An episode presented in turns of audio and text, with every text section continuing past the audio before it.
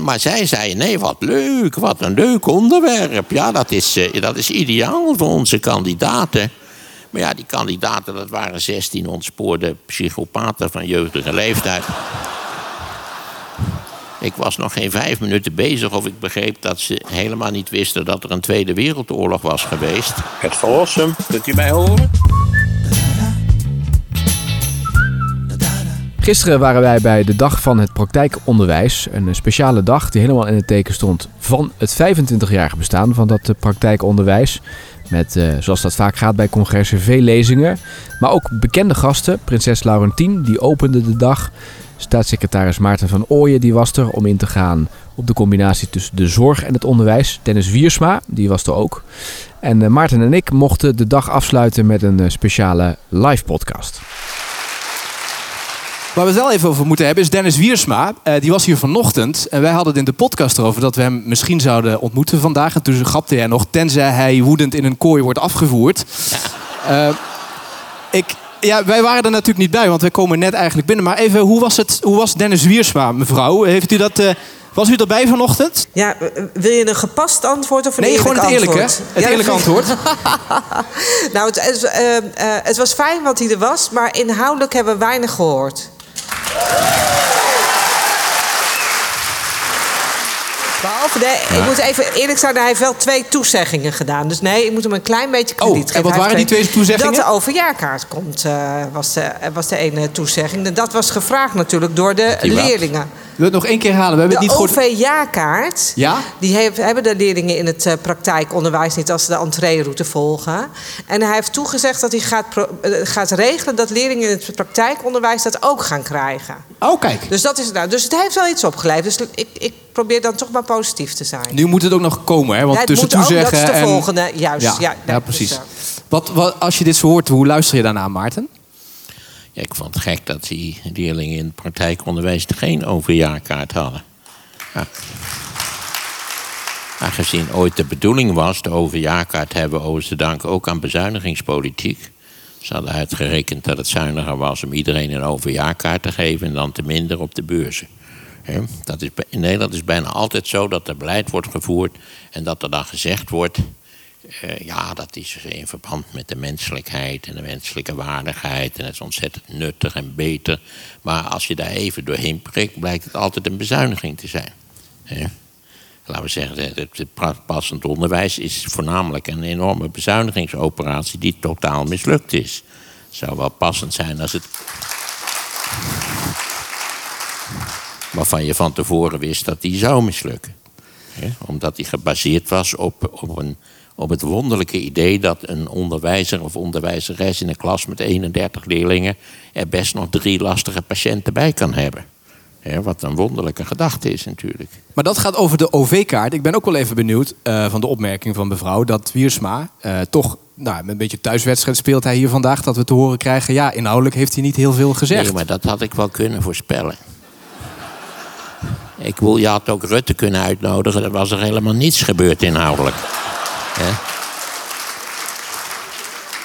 Ja, ik heb, ooit was ik van een, van een soort clubje wat regelmatig sprekers uitnodigde. En met name de voorzitter daarvan, die wou enorm graag belangrijke sprekers uitnodigen. De directeur van de Shell, de Russische ambassadeur, allemaal dat type van lui. En dan zei ik altijd, dat moet je niet doen, want die lui die hebben niks mee te delen. Want die zijn zo belangrijk dat alles wat ze zeggen, dat komt in de krant en dat hebben ze liever niet. Je moet eigenlijk mensen uitnodigen die, laten we zeggen, op twee niveaus daaronder ontevreden zijn. Dat is wat je hebben moet. Hè? Dat lijkt me voor de onderwijswereld ook te gelden. De laatste persoon die ik zou vragen is Wiersma. Hè? Dus ik vond eigenlijk het feit dat hij zich niet beheerst... kan wel een goed idee om hem niet uit te nodigen. U, u gelooft toch ook niet dat, hij, dat dat beter wordt? Het is gewoon een karakterdefect. Dat ze net...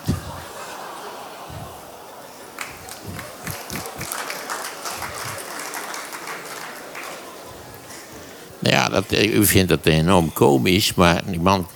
eh, Je hebt, je hebt het bekende probleem van vrouwen die door hun man mishandeld worden. Nou, die man, en na elke gelegenheid dat dat gebeurd is, belooft die man beterschap. Hij gaat zelfs met een deskundige praten. Ik kan je garanderen dat als die man dat doet, ben je er beter meteen een punt achter zetten. Want het helpt niet. Het is een karakterdefect. Je moet gewoon een echtgenoot uitzoeken, adviseer ik nu aan de aanwezige dames, die een enigszins klunzige indruk maakt. Zodat u met, met minimale sportieve training hem buiten Westen kunt slaan.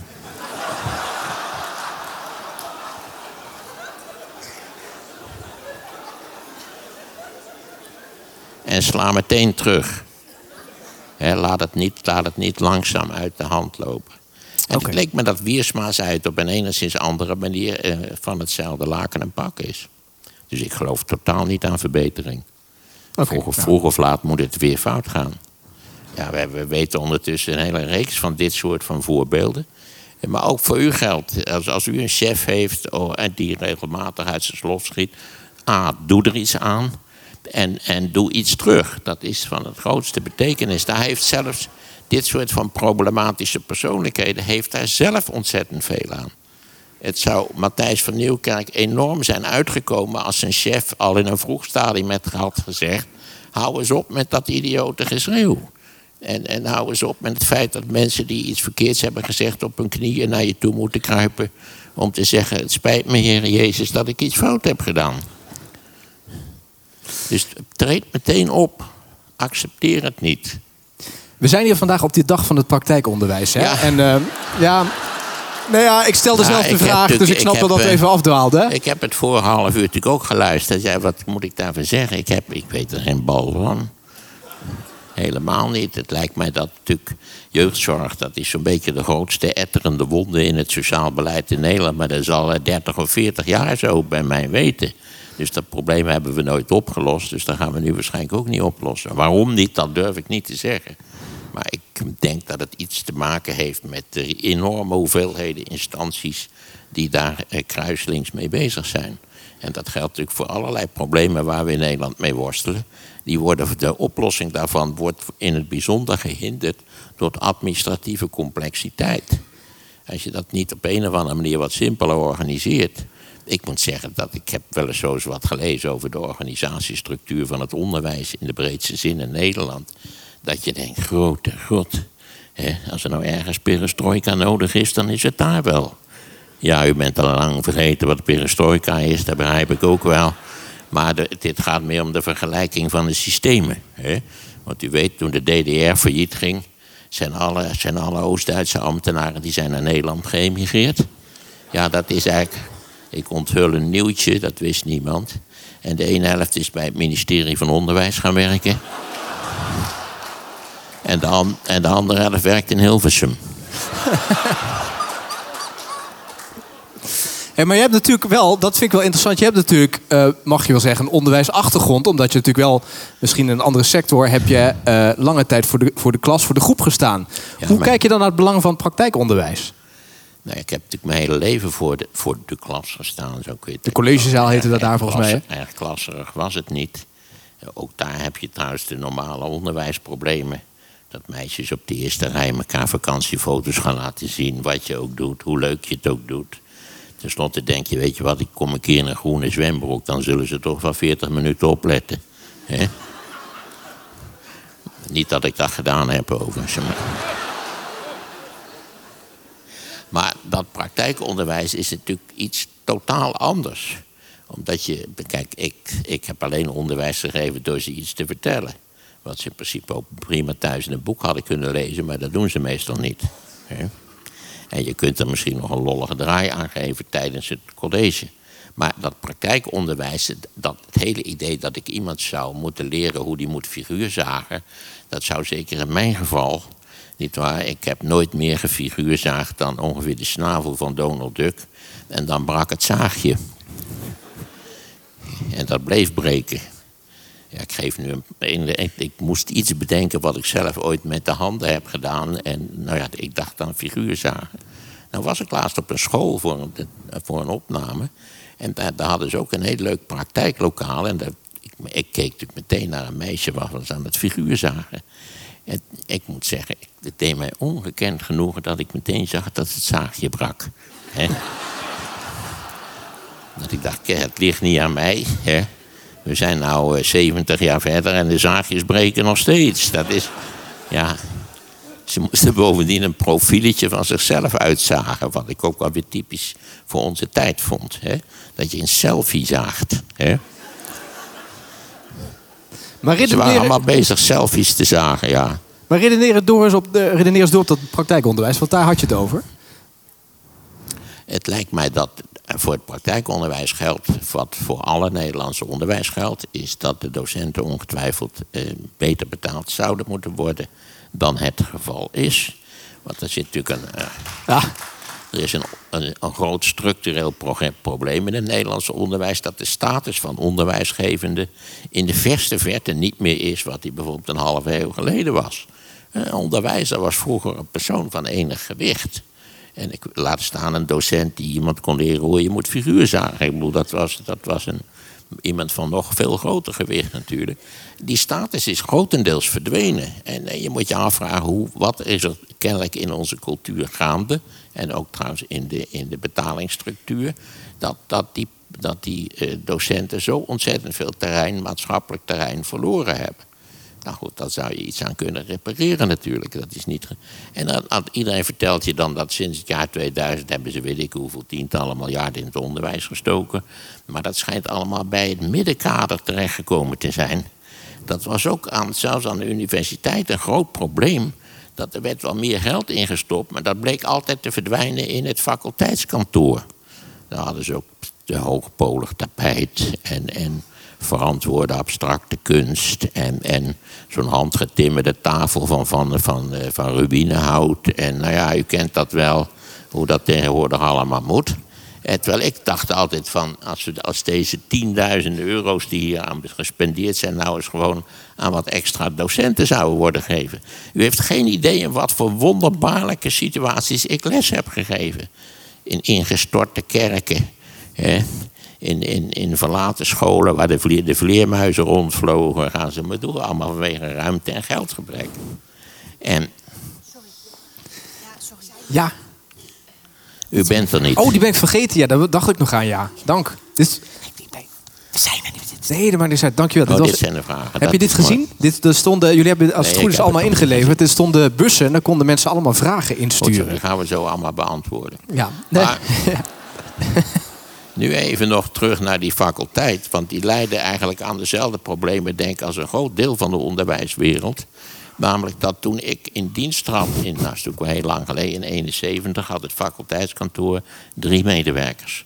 Namelijk een bejaarde boekhouder, een mevrouw die de deur opendeed en een mevrouw die de koffie zette. Het was nog niet voor de emancipatie, zal ik maar zeggen. En toen ik vertrok had het faculteitskantoor, ik schat 25 academisch gevormde medewerkers... die alle mogelijke ongelooflijk belangrijke dingen deden... terwijl ze op dat hoogpolig tapijt zaten en aan die, aan die, aan aan de ruïnehouttafel aan het vergaderen waren. Terwijl ik altijd dacht, die lui zijn, die hebben ze nergens goed voor. Ja, als je iets deed of als je iets met de publiciteit wou... dan kwam er altijd, belde er iemand op, eh, kan ik u publiciteit verzorgen? Nou, liever niet. En dat kan elk verstandig mens zelf ook wel, toch? Ja. Nou, dat vond ik karakteristiek voor de ontwikkeling van de onderwijswereld. Ja, daar was wel een hoop geld extra in gestoken. Maar geld waar wij gewoon in de klas, als u het zo noemen wil, of, of college geeft, niets, maar dan ook niets aan hadden. 0,0. Ja, of wie moet het lollig vinden om in een ingestorte kerk. Eh, ik herinner me dat ik, ik begon aan een werkcollege Holocaust. Op zichzelf ook al een zware titel natuurlijk. En we waren nog geen vijf minuten op slag zeggen of het orgel begon te spelen. Ja, ja, u, u kijkt alsof dat de normaalste zaak van de wereld is. Je begint aan een college Holocaust en zap, dan begint het orgel te spelen. Nou, nee. En eh, ja, die man die op het orgel speelt, zei: ik heb, ik heb voor dit uur het orgel gehuurd. Ik zei: Nou, ik heb de kerkruimte gehuurd. Hè?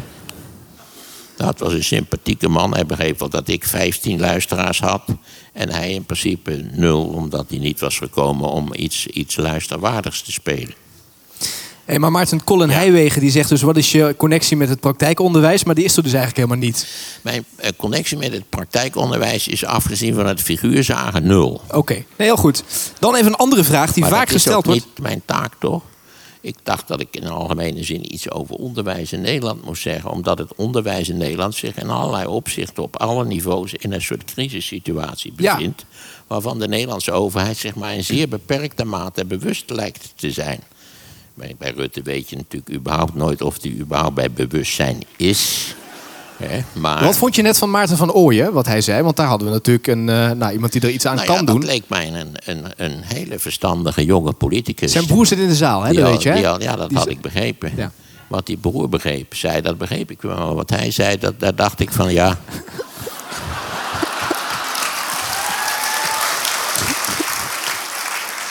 Je weet hoe dat in de politiek gaat, is zolang als- als het breed is. Hè.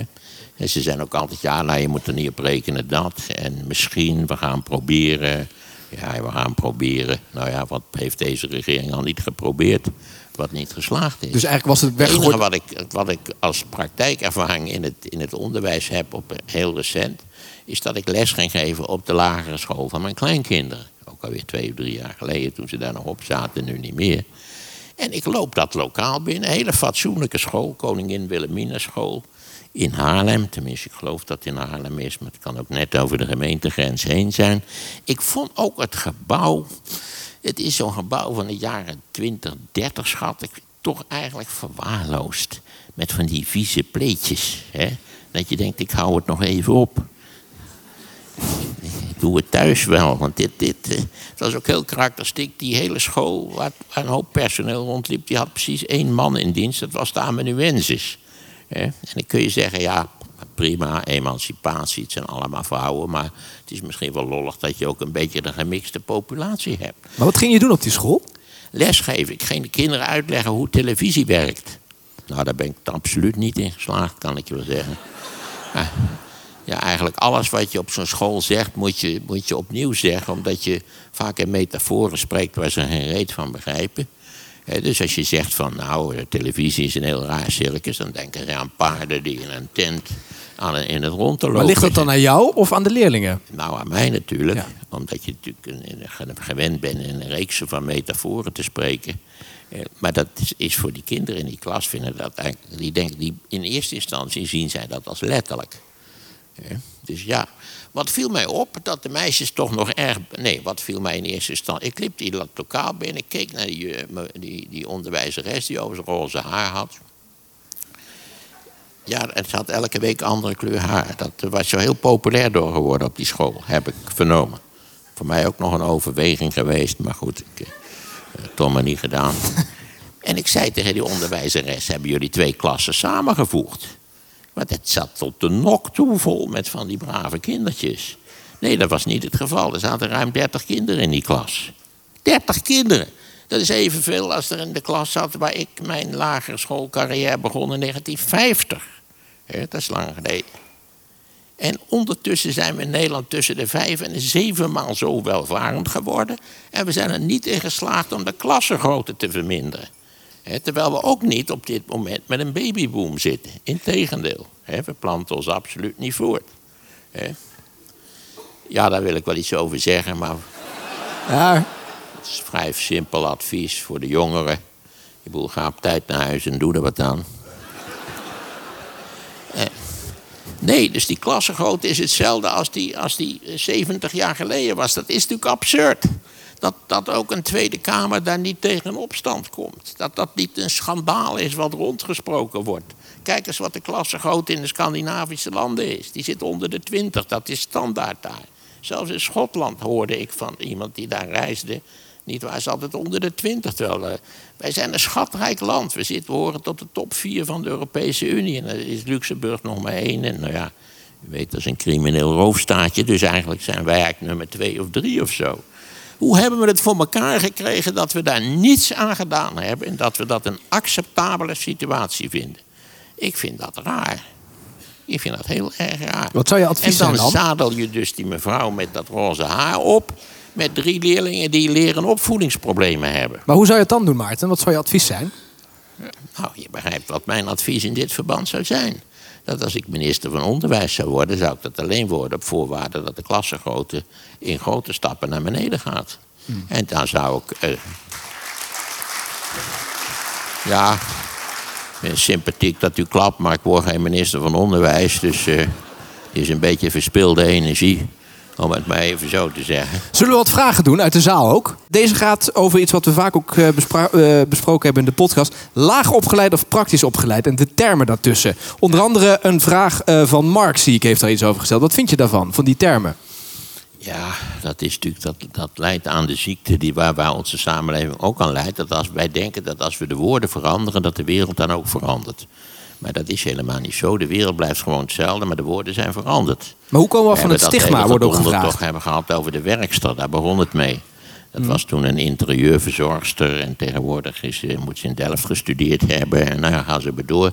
Het is hetzelfde probleem als dat we voortdurend bezig zijn ons eigen verleden te veranderen door excuses aan te bieden. En monumentje op te richten. En nog eens een extra pannenkoek te eten, zal ik maar zeggen. Het is allemaal van een, van een opmerkelijk soort tot niets verplichtende kinderachtigheid. Maar Mark zegt, theoretisch en praktisch opgeleid voldoet nog niet. Welke rol kunnen geleerden zoals u daarin spelen? Geleerd als ik. Ja, dat schrijft Mark. Waar Is Mark in de zaal? Waar zit Mark? Oh, daar zit hij. Daar zit hij. Nou, misschien... Kijk, Mark, dan ga ik even dat ding naar je toe gooien. Misschien kun je me even toelichten. Je kunt wel voor lager opgeleid een nieuw woord verzinnen, praktisch opgeleid. Maar iedereen weet wat praktisch opgeleid is, dat is namelijk lager opgeleid. En ja, zo hebben we het, het, het onderwijs, dat is een hele vervelende situatie, die, dat heeft volgens sommigen, en zeker na de Tweede Wereldoorlog in hoge mate, is dat gedefinieerd als een emancipator project. Maar het onderwijs is helemaal geen emancipator project. Ongelukkigwijs is het onderwijs een meritocratisch project. Waar aan de lopende band geselecteerd wordt op wat je wel kan en wat je niet kan. Maar Mark, hoe denk jij dat... Want jij schrijft op geleerden zoals Maarten kunnen daar misschien een rol in spelen. Hoe zie je dat voor je? Nou, ik heb, ik heb geen idee hoe dat precies voor me zie. Het gaat meer erom dat je de erkenning voor eh, de kinderen die wij doseren, dat die eh, de erkenning krijgen die ze verdienen. En dat dat ook eh, door bijvoorbeeld mensen als meneer Van Rossum, maar ook anderen, ja, vaker voor het voetlicht wordt gebracht. Ehm, eh, en ik vroeg me af of u daar zichzelf een rol in zag eh, spelen. Door het podium wat hij heeft bijvoorbeeld. Door het podium wat u Ja. heeft. Ik zeg eh, de slimste mens, ik noem maar Ja, wat. nou ja. De slimste mens, dat we daar ook gaan figuur zagen. Nee, maar ja... Ja, een leuk idee op zich. Ik zal het morgen voorstellen. Maar, eh, Nou, maar slim wordt, en dat schrijft Mark ook een beetje op dit blaadje... slim wordt natuurlijk geassocieerd met hoger onderwijs... en eh, eh, lager eh, onderwijs misschien ik met moet dom. zeggen dat ik, dat ik aanzienlijk meer bewondering heb voor de meneer die mijn cv weet te, weet te, te repareren. Wat overigens vaak ook al lastig is. En ook omdat ze niet kunnen komen, omdat ze geen personeel hebben enzovoort. Dan ik heb vooral, ik heb, ik heb er is geen mens waarschijnlijk in Nederland die zoveel doctorandussen heeft opgeleid als ik. En als u zegt, eh, waren dat allemaal eh, genieën? Nou, het woord genie is dit niet. Meesten stelden niks voor. Wist u dat in de wet staat dat universiteiten leiden op tot zelfstandige beoefening van de wetenschap? Dat staat in de wet. Als wij ons aan de wet zouden houden, dan schat ik dat het aantal abituriënten eh, nou, al heel gauw door tien gedeeld zou moeten worden, ongeveer. Ik schat dat 10% misschien met wat bijscholing en jeugdzorg, eh, wel, wel eh, zelfstandig de wetenschap zou kunnen beoefenen. Maar de, de modale afstuderenden absoluut niet. Ze zijn vier jaar van de straat. Ze hebben misschien tegenwoordig met chat een leuk stukje geschreven. Eh, maar ik heb daar niet zo'n verschrikkelijk hoge pet van op. Het probleem is dat we een enorm hoge pet op hebben van datgene waar we helemaal niet zo'n hoge pet op van zouden moeten hebben. En, en niet zo, niet waar van die meneer die mijn centrale verwarming komt, eh, komt repareren. Wat wilde je nog zeggen, Mark? Nou, ik, ik ben eh, docent techniek, dus u bent van harte welkom voor een lesje figuurzagen. Dat terzijde. Eh, maar denk het gaat, je, denk het je gaat dat ook het om de mogelijk is waardering. om mij te leren figuurzagen zonder dat het, het, het zaagje breekt? Fantastisch, kom maar langs, gaan we doen. Ja, wat, gaat, wat ga ik uitzagen dan? Ook een eh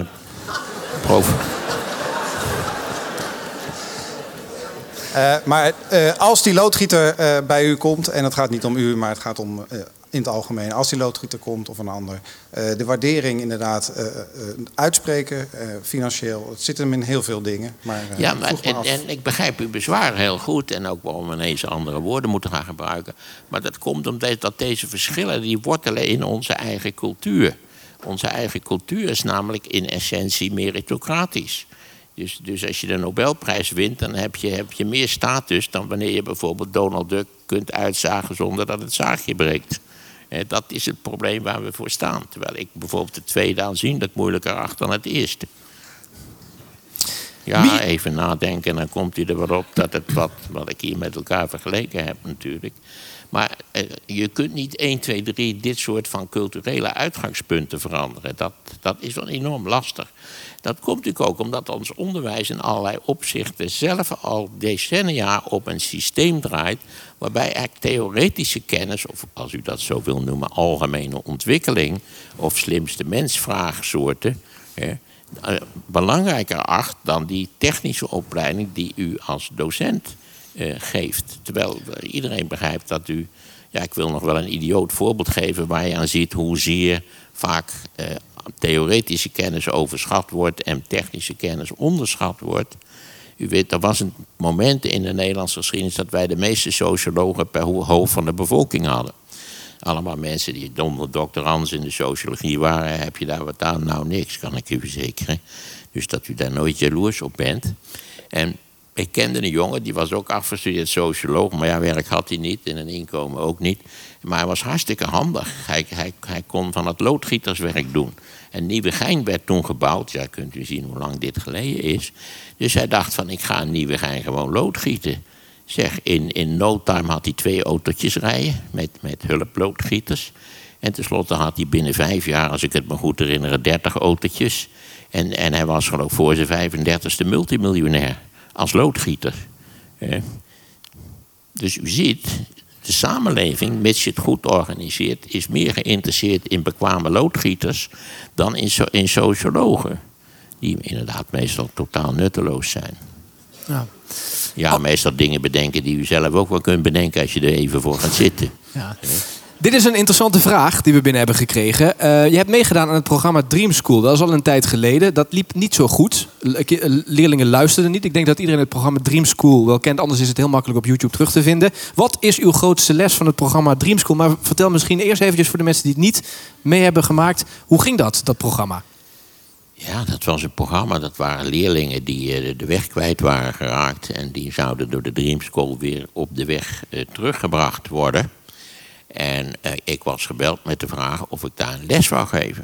Ik zei, ja, dat wil ik best doen. Ik had niet het flauwste idee hoe het in elkaar zat. Mijn vrouw zei ook achteraf, eigen schuld, dikke bult. Dan moet je maar eens onderzoeken waar zo'n programma eigenlijk over gaat. Ja, soms heeft ze gelijk. Uh, en toen zei ze, ja, u mag zelf bedenken waar het over moet gaan. Ik zei, nou, ik vind eh, het ontstaan van de Europese Unie... dat vind ik wel een interessant onderwerp.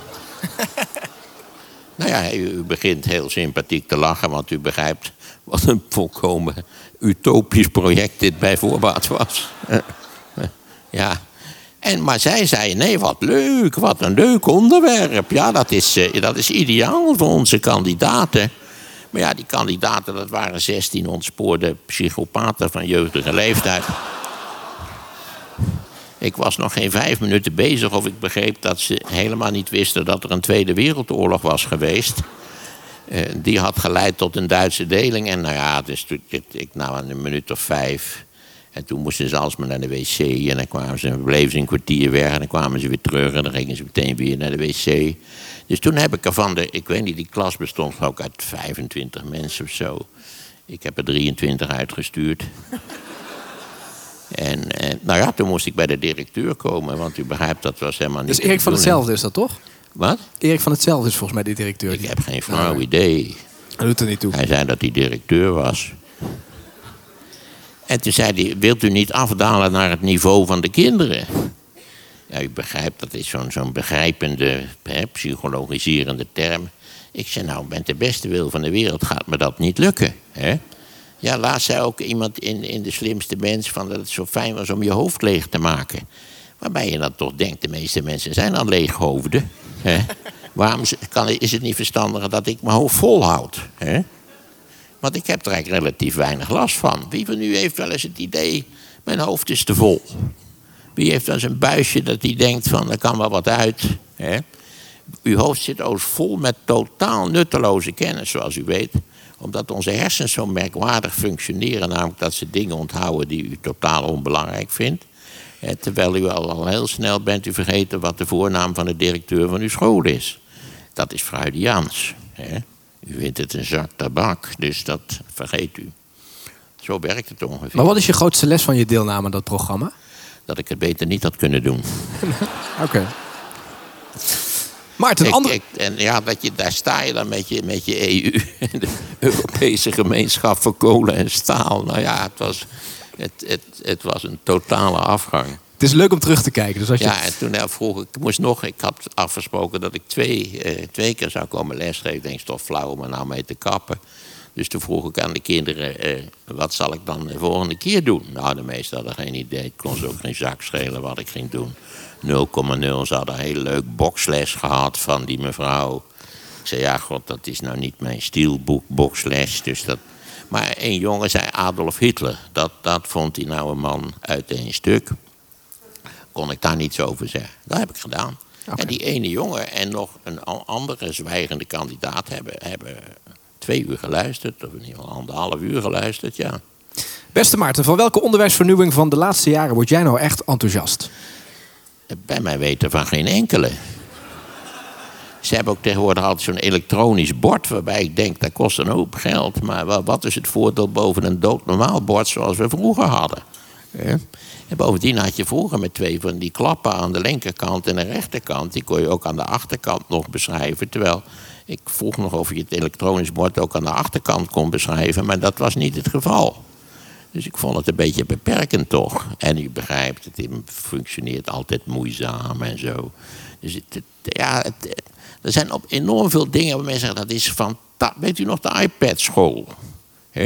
Hoe is het daarmee afgelopen? Kunt u zich dat nog herinneren? Ja, ze hebben de stichter verzopen. En, en alle iPads die hebben ze in de fik gestoken. Denk ik, ik weet het niet precies. Maar het is een totale mislukking geworden. En daar komen we aan een veel centraler punt. Wat, wat is er precies mis met het Nederlandse onderwijs? Ik weet niet of dat ook geldt voor het praktijkonderwijs, omdat dat zo heel anders functioneert.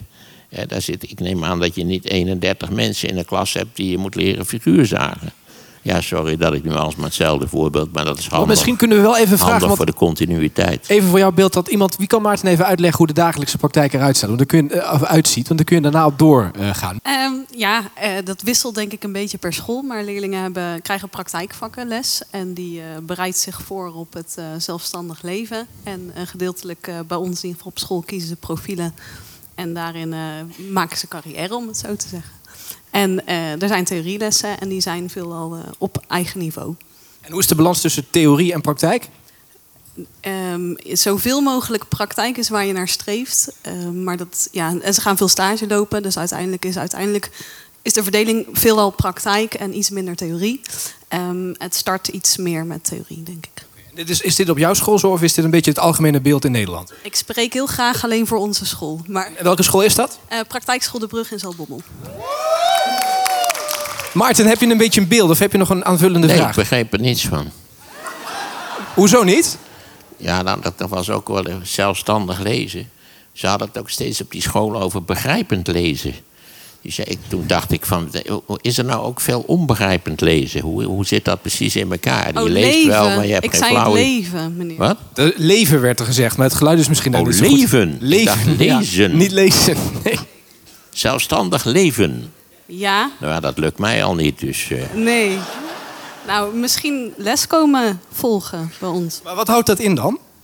Nou ja, ehm, de doelgroep is een speciale doelgroep. Ehm, leerlingen die heel erg veel kunnen, maar soms meer tijd nodig hebben om zich te ontwikkelen. Ehm, leren vaardigheden op het gebied van koken, zelfredzaamheid, poetsen. Ehm, hoe, hoe hang je een lamp op? De- eh, veel meer op zo'n niveau. Maar Nou het is heel erg lastig om uit te leggen aan iemand die helemaal geen idee heeft wat praktijkonderwijs is. En Nee, hoe het onderwijssysteem verder in elkaar zit, denk ik. Alles wat u heeft opgenoemd, kan ik niet. Ik kan, Ja. niet, ik kan niet koken. Als ik een lamp zou ophangen, dan slaan de stoppen in de hele buurt door. Eh, ik, alles wat u heeft opgenoemd, ik heb geen flauw idee. Dat heb ik ook nooit geleerd om dat te doen, moet ik erbij zeggen. En ik heb wel geleerd in de loop van mijn leven... zorg dat je in de familie niet bekend komt te staan als handig. Nou, onze leerlingen zijn mijn, over mijn algemeen broer, Mijn broer handig. bijvoorbeeld staat in de familie bekend als handig. Hij is nog niet binnen of ze beginnen aan zijn kop te zeiken dat er een stekkertje kapot is. En dat de televisie het niet goed doet. Terwijl ze mij nooit wat vragen natuurlijk. Dus ik kan rustig gaan zitten en ontspannen gaan zitten kijken. Maar even vanuit jouw ervaring in Zaltbommel. Want Maarten zei net, ik wilde aanstippen van hoe is het nou met de status van het onderwijs, in dit geval het praktijkonderwijs. Wat, hoe kijk jij daar tegenaan? Wat, wat zijn de grootste uitdagingen? Nou, ik vond net de vraag die de meneer met de kubus had eh, best wel relevant. Eh, want ik hoorde termen laag, eh, hè, laag opgeleid wordt heel makkelijk genoemd. En daarin ook vergeten, denk ik, wat dat doet als jij laag opgeleid bent. En het is heel makkelijk om vanuit een universitair perspectief te zeggen... eh, ja, hey, zo is het nou eenmaal. Eh, we kunnen het naampje niet veranderen, ehm, want eh, de- ja, er verandert feitelijk niks. Maar dat heeft wel met erkenning te maken. Dus je vindt een naïeve opmerking van Maarten. Zeer naïef.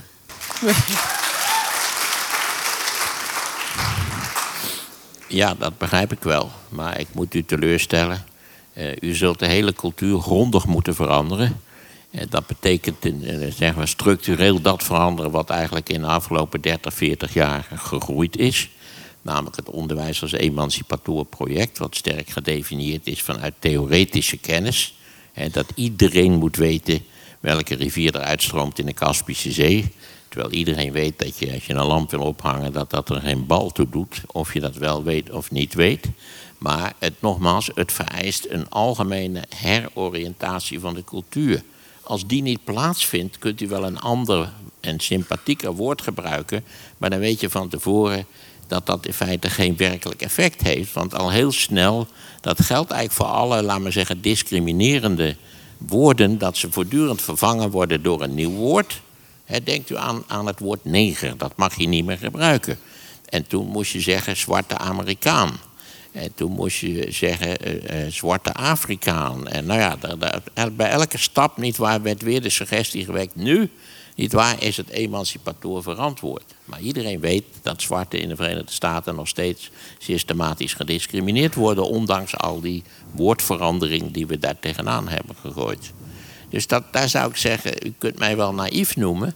Maar als u had gezegd cynisch, zou u volgens mij beter eh, hebben gescoord. Maar het gaat om de erkenning, hè, wordt hier gezegd. Hoorden we nu meerdere mensen zeggen. Het gaat om de erkenning van die mensen. Daar moeten we meer aan werken. Ja, daar ben je waar toch wel mee eens? Jazeker, maar hoe ga je dat doen? Hoe ga je dat precies doen? Wat voor project organiseer je daarvoor? Dat kun je alleen. Wat is erkenning in onze samenleving? Dat je goed betaald wordt. Dat is erkenning in onze samenleving. Er wordt eens geroepen. Wat zegt u?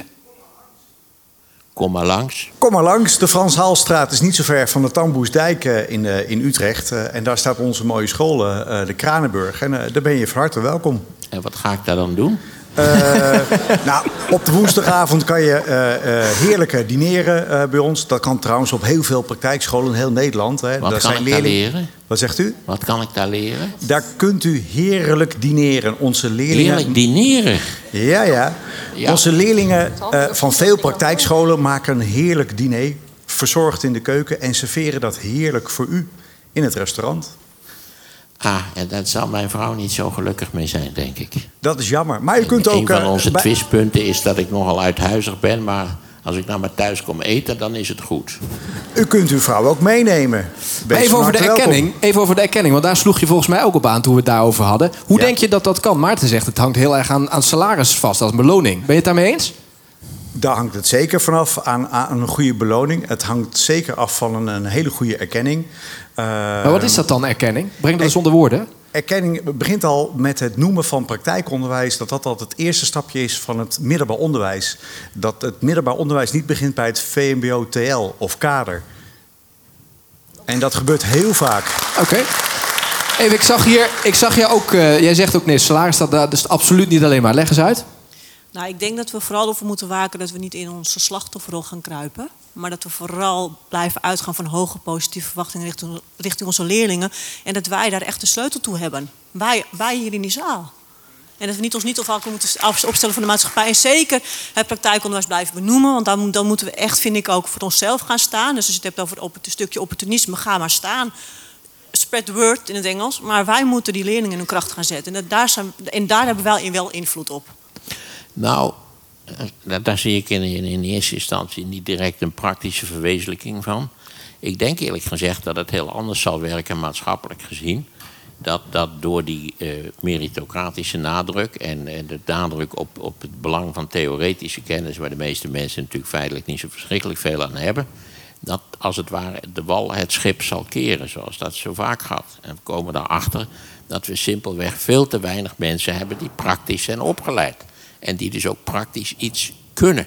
Of dat nou die cv van mij is, of de, de, de, als je, ik had een deuk in mijn auto en dan wil je een afspraak maken om het zo snel mogelijk te laten repareren. En vervolgens blijkt dat het herstelbedrijf met zeer ernstige personeelstekorten kampt. Daar zal naar mijn idee het, de oplossing van het probleem liggen. Namelijk pers, de personeelstekorten op grote schaal in onze hele samenleving. Die zijn er al, maar dat zal heel urgent worden. En dat betekent, of dat nu in de verplegende sector is of in de onderwijssector, dat betekent dat we daar ook een algemeen maatschappelijk signaal aan in moeten zien. En dat betekent dus een culturele verandering. En dat betekent een financiële verandering. Dat zijn twee dingen die trouwens deels aan elkaar gerelateerd zijn. In een samenleving die, of u dat nou lollig vindt of niet lollig vindt, heel sterk prestatiegericht is. Nou, ik denk dat we ook gewoon met z'n allen terug moeten naar hoe belangrijk het is voor die praktische mensen. Wij als ouders ook heel vaak geven een heel groot label aan onze kinderen. Ze moeten allemaal maar die HAVO of die VWO halen. Er wordt nooit meer aan die kinderen gevraagd: wat wil je nou eigenlijk worden en wat hebben we daar nou voor nodig? Wij gingen vroeger gewoon naar de LEO, de LTS, de huishoudschool. En daar waren we onwijs tevreden mee. En daar hebben we lekker allemaal onze centjes in verdiend. En nu werk ik in het onderwijs. Maar daar moeten we naar terug. Waarom moet ik op die verjaardag ook allemaal zeg maar van HVVWO? Nee, maakt allemaal niet uit. Is je kind gelukkig? Doet hij wat hij wil? Daar moeten we naar terug. Dat hebben we al gehad. Duidelijk punt, Maarten.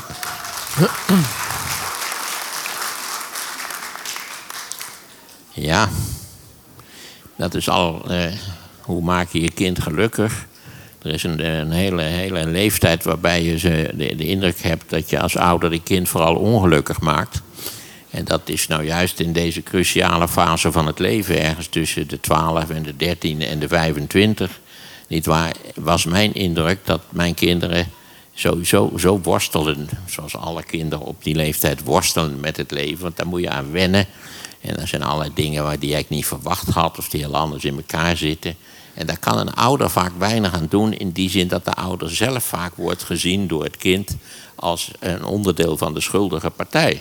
Als ouder kan je gewoon laten zien dat wat je doet oké is. En wat je ook doet, doe je. Maar tegenwoordig willen we als ouder geval, dat we dokter worden. In mijn geval zou dat natuurlijk toch vrij eenzijdig zijn geweest. Want mijn grote talent ligt in het langdurige oude hoeren. Uh, over dingen die in feite uh, niet, geen praktische betekenis hebben. Maar jij hebt wel in de podcast verteld dat jij ook een tijdje farmacie hebt gestudeerd. Daar werd je helemaal niet gelukkig van. En ben je op een gegeven moment geschiedenis Daar werd ik doodongelukkig van, ja. ja. En dat kwam omdat het, de studie farmacie voor vier middagen in de week bestond uit praktisch onderwijs. In het titretteren en in, in allerlei stoffen analyseren. Het was verschrikkelijk. Ik heb zelden in mijn leven zo geleden als tijdens de praktische lessen maar dat is toch eenzelfde voorbeeld? Toen, jij was toen ook ongelukkig dus, in die fase? Ja, als ik daar was, in dat, in, in dat gebouw, was ik doodongelukkig, ja. De eerste belangrijke beslissing van mijn leven was dat ik in strijd met alle familieadviezen besloten heb die godvergeten klote studie te staken voor 1 februari. Dat had je toen al, dan telde het jaar niet als een academisch jaar. En dat heb ik gedaan. Ja. En toen ben ik geschiedenis gaan studeren. En ik ben zelden in mijn leven zo teleurgesteld geweest als toen. Want het waren waardeloze colleges. Het waren liefdeloos. Het waren totaal verouderde literatuurlijsten. Ik vond het een zootje. Oké. We hebben nog een vraag. We hebben nog een vraag hier. Wie ben je en wat wil je vragen? Hoi, ik ben uh, Jasper Vermeulen. Ik werk in, uh, in Ede op het streek. En ik... Uh... nou ja, dat is snel verdiend. Maar waar het mij eigenlijk om gaat, is dat als we het hebben over erkenning, we het zelf eigenlijk ook doen. Uh, Maarten van Rossum, hartstikke blij dat u er bent. Fijn dat u ook het zien. Maar eigenlijk vieren we vandaag 25 jaar praktijkonderwijs.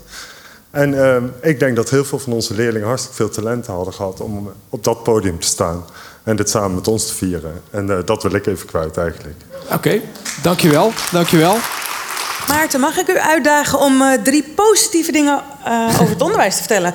Want we vieren hier inderdaad eh, het 25-jarige jubileum, maar ik hoor toch wel een hoop negativiteit uit uw mond komen. Ah, ja, dat is mijn eh, klassieke kwaal. Eh, op een of andere manier weet ik altijd precies aan te stippen waar de negatieve punten liggen. Het lijkt mij ook nuttiger om de negatieve punten, zeker in de Nederlandse onderwijswereld, extra aandacht te geven. Omdat in feite de kern van mijn hele betoog is dat er in het Nederlandse onderwijs ontzettend veel is fout gegaan in de afgelopen drie tot vier decennia. En dat ligt aan de structuur van het onderwijs, aan de wijze waarop het geld wat er wel was besteed is. En dat ligt ook aan de onderwijsfilosofie. Namelijk dat het allemaal lollig moet zijn en leuk. En, en, eh, nou ja, dat, dat leren is vaak ook gewoon een betrekkelijk vervelend proces. Dat, dat kan. Maar omdat u erom vraagt, zal ik u ook uitleggen waarom zit ik hier nou. Nou ja, ik begrijp niet vanwege mijn kennis van het praktijkonderwijs, maar dat had u toch ook niet verwacht, of wel? Nee, dat dacht ik ook. Eh, ik, heb al, ik heb altijd ingrijpend gefaald in het praktijkonderwijs. maar daar uiteindelijk niet zo heel veel last van gehad. Dat ik hier zit, dat ik historicus ben geworden, ligt aan een fantastische docent die ik had in de eerste en in de tweede klas van de middelbare school. Het was geweldig, het was begeesterend, het was precies wat ik nodig had. Maar als ik zou zeggen waardoor wat voor onderwerpen mij begeesterden, dan zult u waarschijnlijk ook zeggen van met dat jongetje is iets mis of was iets mis. Vond mijn moeder ook, dus u zou eh, in goed gezelschap zijn. Ja, ik vond, vond opgravingen, Sumerië, het oude Egypte, ik vond het geweldig. Ik ben direct begonnen aan zelf een boek te schrijven over de Romeinen. En pas na drie bladzijden typen kwam ik erachter dat dat met een korte ei is. Dus, dus toen ben ik toch maar gestopt. Maar het geeft wel een beetje aan hoezeer ik, ik begeesterd was door de stof. En het interessante is, maar goed, dan komen we op een heel ander probleem, wat ook niet 1, 2, 3 valt op te lossen in het onderwijs natuurlijk. Dat na deze meneer de Jong, want zo heette die, hij is al lang dood overigens. Hij was helemaal geen historicus, was ook zo aardig. Hij was meester in de rechten, maar hij beunhazen er een beetje bij. Er waren toen ook tekorten. Eh, na, eh, na meneer de Jong kreeg ik juffrouw Admiraal. En eh, die was afgestudeerd historica. En dat was de slechtste geschiedenislerares volgens mij. Ik heb het niet helemaal empirisch getoetst van heel West-Europa. Maar ik denk dat met een beetje onderzoek ook wel de hele Eurasiatische landmassa meegerekend had kunnen worden. Zonder al te grote problemen. Ik weet ook of zij sloeg de Eerste Wereldoorlog over. Ja, dat moet je in een drie of vier gymnasiumklas niet doen. Dus wij staken verontwaardigd onze vinger op en dan zei ze: Doe het boek maar dicht en hou je mond dicht. Dat is onderwijs. Ja, dat was onderwijs in de jaren 50. Maar u ziet dat de goede docenten. Ik was een, een kneuzig jongetje. Ik was bang voor andere jongetjes. Die zijn, hebben allemaal altijd een schepje om op je hartjes te slaan en zo. Ik, ik, ja, dat moet ik zeggen, in die klas van mijn kleinkinderen. Ik schakel even in naar iets ander onderwerp. Daar zaten weer vier van die strontvervelende, lawaaiige jongetjes in. Hè? Dat je denkt, kunnen ze die nou niet even een tijdje op de wand dat, dat onderscheid. En ik vond de meisjes bedeesd en geïnteresseerd. En de jongetjes meteen van die godvergeten papegaaien. Lawaaimakers, hè? halsbandparkieten. Dat werk. Holbewoners. Ehm, ik ben even afgedwaald. De positieve dingen uit het... Dat was de vraag dus. Hè? Ja. Drie positieve dingen. Ik, ik, begin met een, ik begin met een volgend belangrijk positief punt. Ik was, zoals ik al zei, een beetje een kneuzig jongetje. Ik had niks met andere jongetjes. Ik hou hield niet van vechten. Ik hield niet van voetballen. Ik vond het allemaal strontvervelend, eerlijk gezegd. En maar mijn juffrouw in de eerste en de tweede klas van de lagere school, juffrouw Versteeg, ook ongetwijfeld al even dood, die heeft mij fantastisch opgevangen. Die zag wel dat ik een beetje ja, wat afwijkende behoeften had van de rest van die klas. Hè, van die dertig leerlingen die daar toen ook in zaten. In van die reusachtige, solide houten banken. Eh, en ja, ik ben juffrouw Versteeg en meneer de Jong diep, diep dankbaar. Als, ik moet, als u vraagt wat vind je van het totaal van het onderwijs wat je genoten hebt, dan zou ik zeggen, die twee personen, nietwaar, hebben zoveel licht gegeven dat de rest van die klunzen En die luiwammers en die prutsers, die ben ik graag bereid om te vergeven. Dus als ik even mijn eigen Want woorden... u zei nou dat, we, dat je het allemaal zo leuk moest vinden als kind. Maar ik zou zeggen, aan elke docent zie je in een kwartier of die het zelf leuk vindt. Of die zijn vak leuk vindt. Of die er iets mee kan. Of die u dolgraag wil vertellen hoe het zit met die klote Romeinen. Dat, dat, en dat ontbreekt het maar al te vaak van in het onderwijs. Juffrouw Admiraal heeft er 30 jaar gezeten, heeft 30 jaar, jaar in, jaar uit, die kinderen verpest. Maar een goede docent kan het verschil maken. Wat? De vraag was namelijk, hè, ik vertaalde even mijn eigen woorden, positieve punten. Een goede docent die kan het verschil maken. Dat is wel duidelijk uit dit voorbeeld. Ja, maar het probleem is dat de slechte docenten er niet uitgelazerd worden. Dat is het probleem. Ik kan u verzekeren. Je, je had vaak bij, bij nieuwe hoogleraarsbenoemingen, dan ging- gingen de studenten wel kijken hoe het met de nieuwe hoogleraar was. Maar ze hadden vaak al binnen vijf weken in de gaten dat het strontvervelende colleges waren. En dan kwamen ze gewoon niet. Maar dat kun je op de lagere school of op de middelbare school kun je niet permitteren om bij juffrouw admiraal gewoon weg te blijven. Want dan krijg je gelazer met de rector. Ook zo'n klootzak. Nou ja. Oké. hey Maarten, de tijd zit erop. Nu Heb- al? Ja, het zit erop, helaas. Heb, heb, tot slot, heb je iets wat je mee wil geven aan de zaal?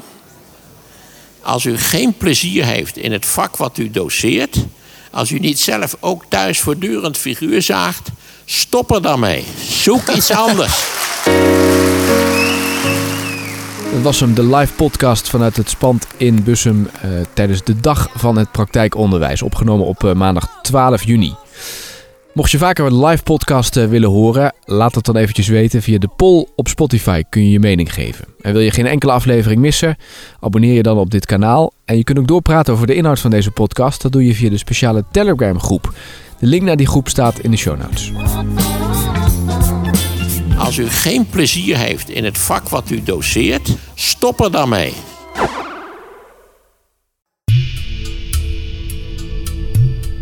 Het Russische geweld door de jaren heen.